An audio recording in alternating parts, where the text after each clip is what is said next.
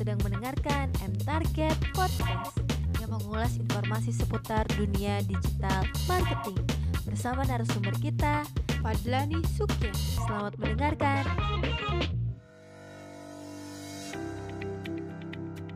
Halo, balik lagi di podcast M Target bersama saya Fadlan. Di episode kali ini eh, saya akan membahas tentang gimana sih caranya kita bisa membuat pembeli menjadi pelanggan tetap dengan campaign automation.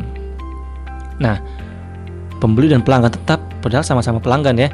Nah, eh, menemukan pelanggan baru itu sebenarnya lebih sulit ya.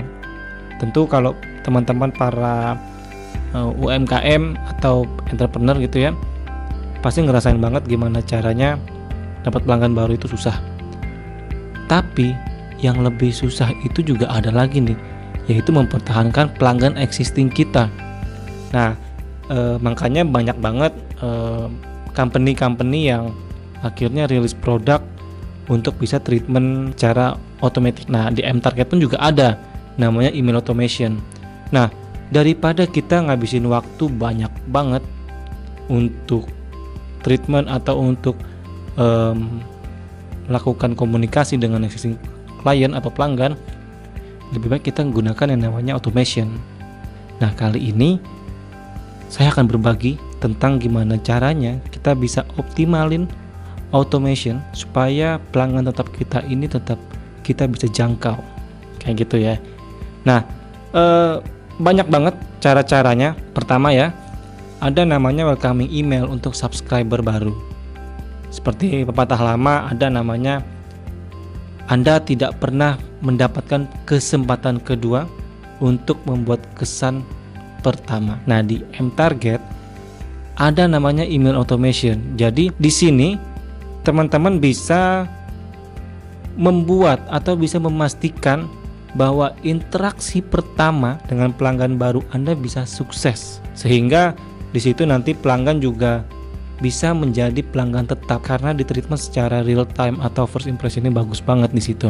Jadi biasanya ya ketika misalnya ada pelanggan baru atau new subscriber join atau melakukan pembelian baru di toko, ucapkan selamat datang. Terima kasih telah berbelanja, terima kasih sudah join, terima kasih sudah bergabung. Nah, selanjutnya di next journey-nya teman-teman bisa ngirimin welcoming email series kayak misalnya ada untuk email series segmentasi produk ataupun kebutuhan agar mereka juga bisa melakukan repeat order kayak gitu. Nah, selain itu juga e, nanti teman-teman bisa upsell ya lewat automation. Jadi ketika user buka produk-produk tertentu, user buka eh, barang-barang tertentu, teman-teman bisa ngirimin email yang relate sama produk yang udah di klik sebelumnya. Selain itu juga banyak banget um, yang bisa dilakukan dengan automation ini karena menurut uh, penelitian ya uh, welcoming email automation ini dapat meningkatkan pemesanan sampai lima kali lebih banyak dibandingkan dengan bulk email atau email marketing reguler. Jadi teman-teman bisa bayangin nih yang selama ini composing manual udah diganti dengan composing secara sistem. Jadi teman-teman tinggal tinggal create template message-nya, template emailnya. Setelah di hit triggernya, automatically akan langsung jalan by system. Kayak gitu.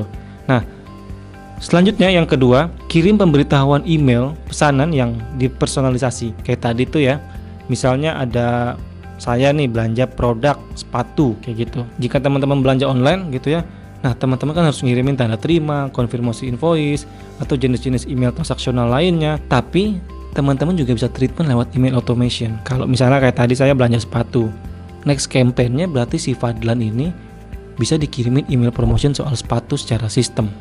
Gitu, tinggal dibikin workflow-nya, strateginya sampai berapa kali si Fadlan ini dikirimkan email tentang sepatu selama dia klik konten soal sepatu kayak gitu. Jadi triggernya udah di set. Ketika trigger sudah di hit oleh oleh subscriber atau oleh pelanggan, langsung secara automatically dikirimin email uh, selanjutnya. Nah, email-email yang sifatnya personal ini, percaya nggak percaya sebenarnya bisa meningkatkan open rate lebih tinggi daripada jenis email yang lainnya ya. Makanya penting banget ya buat uh, teman-teman marketers ya memastikan bahwa sebenarnya email konfirmasi ini bisa mendapatkan feedback dari pembelian pertama. Kenapa? Karena kita juga akhirnya bisa dapat journey-nya atau experience-nya ke depan kita mau treatment orang ini seperti apa kayak gitu selain itu juga nanti teman-teman bisa ngasih rekomendasi produk rekomendasi konten yang relevan kepada audiens atau pelanggan. Selanjutnya ya ada lagi yang ketiga uh, reward. Berikan reward kepada customer loyal. Penting banget. Kenapa? Pelanggan itu kan adalah aset di bisnis Anda. Kadang uh, Anda juga pengen uh, melangkah lebih jauh untuk say thank you aja kepada pelanggan atas kesetiaannya selama ini. Nah, ini bisa dilakukan dengan cara memberikan reward kepada pelanggan loyal Anda. Jadi dengan automation ini kita bisa ngasih kode voucher atau kode promo, kupon dan lain-lainnya. Jadi ketika secara periodik ya, misalnya dalam waktu satu bulan atau waktu tiga bulan, uh, customer A atau si Fadlan ini selalu belanja. Nanti di bulan ketiga itu secara periodik akan langsung kirimin email soal reward. Thank you Fadlan sudah menjadi pelanggan setia kami. Ini kode voucher kamu, ini kode kupon kamu, silahkan digunakan di uh, tanggal sekian sekian sekian dan selanjutnya kayak gitu. Nah ini yang terakhir nih yang paling sticky ya, yaitu kirimkan ucapan ulang tahun. Ini juga sama sifatnya periodik setahun sekali. Gak mungkin juga tiap hari dikirimin email ucapan ulang tahun ya. Nah ini tricky. Um, banyak kita punya database nggak punya ulang tahunnya. Sebenarnya jadi kayak sia-sia karena banyak banget yang akhirnya cuma ngumpulin data nomor KTP, nomor handphone, uh, nama ibu kandung tapi nggak digunakan semua. Sementara data data ulang tahun nggak dikumpulin. Akhirnya sia-sia. Sementara sebenarnya uh, data nomor tanggal lahir ini penting banget.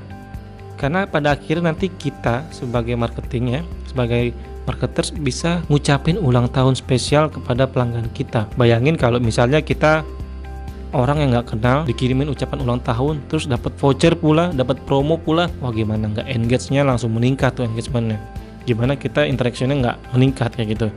Jadi uh, ucapin ulang tahun get datanya dapetin ulang tahunnya tanggalnya di situ akan bisa meningkatkan yang namanya engagement uh, customer teman-teman semuanya.